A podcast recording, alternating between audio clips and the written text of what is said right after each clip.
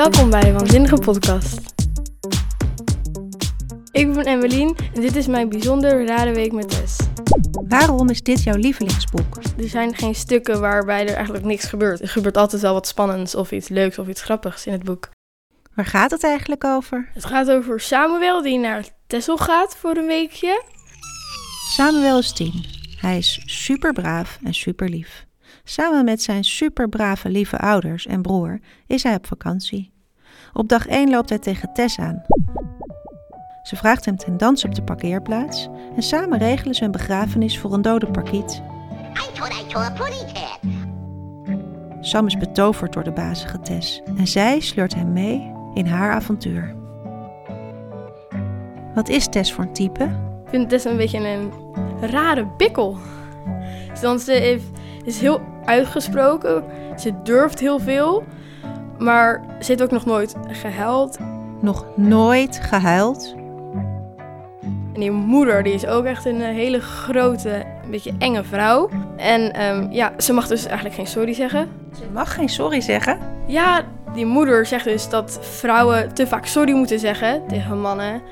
Dus ja, Tess is dus een bikkel die nooit huilt en nooit sorry zegt.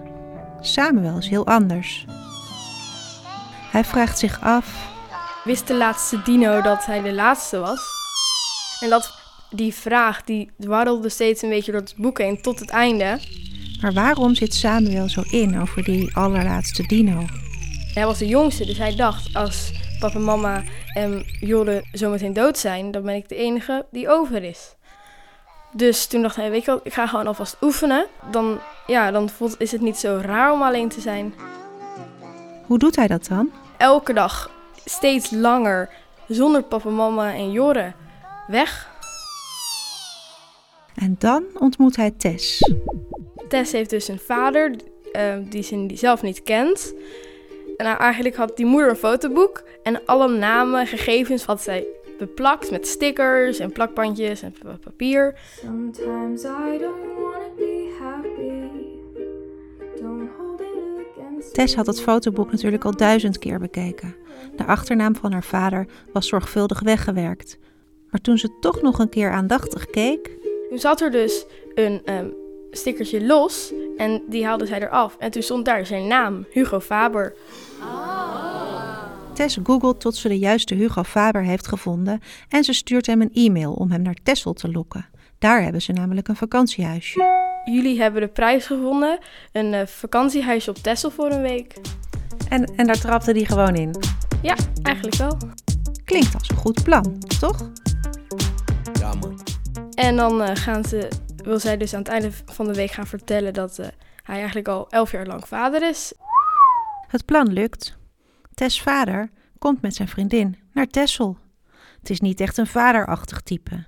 Hij draagt een blij t-shirt en hij heeft lampjes in zijn schoenen. Nou, Tess die had dus, wou dus eigenlijk meer te weten komen over die vader en of het wel een goede vader was. Dus zij had een speurtocht gemaakt, maar die was speciaal gemaakt voor Hugo, met allemaal dingen die, waar Hugo goed in was.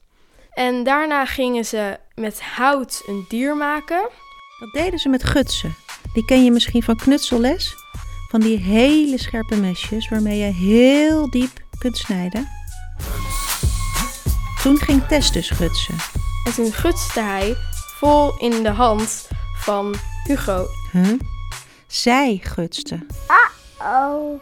Hugo bloedde als een rund. Hij moest naar de dokter. Maar, De moeder van Tess, die werkt dus bij de dokter. maar die twee mochten elkaar natuurlijk absoluut niet ontmoeten. Samuel verzon een geniaal plan om Tess uit deze rare situatie te redden. Toen belde hij de moeder van eh, Tess. En toen eh, zei hij zo van, ja, je moet nu naar huis komen, je moet nu naar huis komen. En toen zei iedereen zo van, mag ik Tess even? Nee, die zit huilend opgesloten in de badkamer. Huh? Ja, Tess is zwanger. What? Tess reisde naar huis om zich op te sluiten op de wc en verzon een smoes over zwanger zijn. Dit is volgens Emmeline niet het hoogtepunt van het boek. Dat komt nu. Op een gegeven moment toen zaten ze op het strand. En toen waren er allemaal kinderen aan het gillen en aan het rennen. En toen zei Hugo, Wat ben ik toch blij dat wij geen kinderen hebben. En toen waren ze aan het lachen met z'n tweeën. Tess werd stil. Ze slikte. Achter haar ogen begonnen te prikken. En toen zei Tess, ja, ik moet mijn kat eten geven. Dus toen gingen ze met z'n tweeën weg. En toen ja, ging Tess eigenlijk Jord huilen. Het meisje dat nooit huilde, was in tranen. Eén ding wist ze zeker. Hij wil me niet. En zij wist dat hun de volgende dag weggingen. Voor Tess is alles in één klap duidelijk. Hugo wil geen kinderen. Hij is blij met zijn leven zoals het is. Hij heeft een vriendin en hij heeft lampjes in zijn schoenen. Zij wil hem niet vertellen dat hij opeens een vader moet zijn. Maar Samuel denkt er anders over. En de volgende dag opeens dacht Samuel, weet je wat, ik ga het gewoon vertellen voor Tess. Ook was het een heel groot geheim. Dus Samuel race naar de boot en zoekt in de rij van auto's naar de groene saap van Hugo en Elise. En wat hij dan zegt, dat wil Emmeline het liefste voorlezen. Dat klinkt ernstig, zei Hugo. Gaat het er voor jou? Ik schudde mijn hoofd. Het gaat er voor jou. En het zal je leven veranderen. Maar misschien wil je dat helemaal niet. Misschien ben je gelukkig met Elise en met lichtjes in je schoenen. Dan wil je verder niks meer. En dan mag je dus doen alsof je dit nooit gehoord hebt. Samuel, hij streek door zijn haar. Je begint me een beetje bang te maken. Kun je me niet gewoon vertellen wat er aan de hand is? Ik knikte. Tess is je dochter. Drie seconden was hij stil. En toen begon hij te lachen. Dat kan helemaal niet, gek. Ik heb geen dochter. Hij schudde zijn hoofd. Hoe kom je er nou bij dat ze mijn dochter is? Ik zei niks. Vind je dat we op elkaar lijken? kwam je zo op het idee. Ik bleef stil. Of was het omdat we zo gezellig met z'n vieren die speurtocht deden?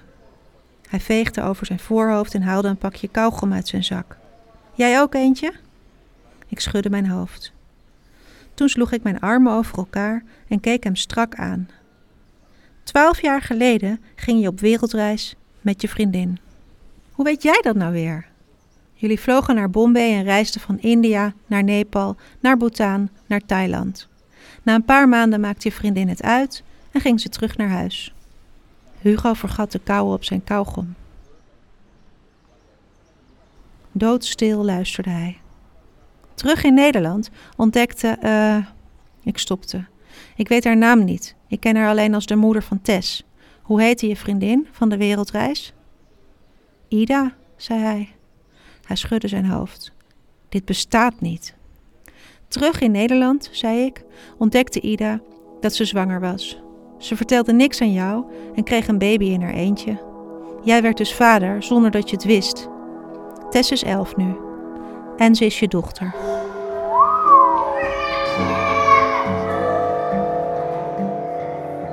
Tess worstelt met het dilemma of ze van haar vader moet houden. Of niet. Wat vind je daarvan? Ja, ik vond het in eerste instantie vond ik het allemaal een beetje raar. Maar op een gegeven moment begreep ik ook wel weer, ja, zij heeft nog nooit een vader gehad. Dus En snap je Sam, die probeert om zonder zijn familie te leven? nee, eigenlijk niet. Ik heb het mezelf nog niet af- afgevraagd. Maar toen ik het voor de eerste keer las, ja, toen drong het toch wat door me heen. Van ja, mijn zusje, is die dan ook alleen in dingen? Maar op een gegeven moment wist ik gewoon, het duurt nog heel lang voordat we allemaal doodgaan. Dus dat eh, komt wel goed. Het komt wel goed. Daarom vindt Emmeline eigenlijk ook dat Samuel moet stoppen met oefenen om alleen te zijn.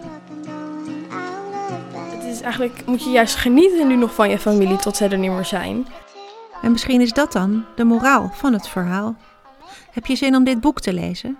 Ga dan gauw naar de boekhandel of naar de bibliotheek en vraag naar Mijn bijzonder rare week met Tess van Anna Woltz. Of zoek in de App Store naar Online Bibliotheek. Daar kun je met je bieppas e-books en luisterboeken lenen. Ook dit boek.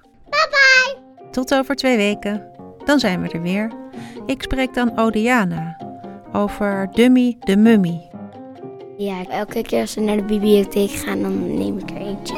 Nu heb ik weer een nieuwe uit de bibliotheek. Iedereen houdt van verhalen. Je moet alleen nog even ontdekken welk boek bij jou past.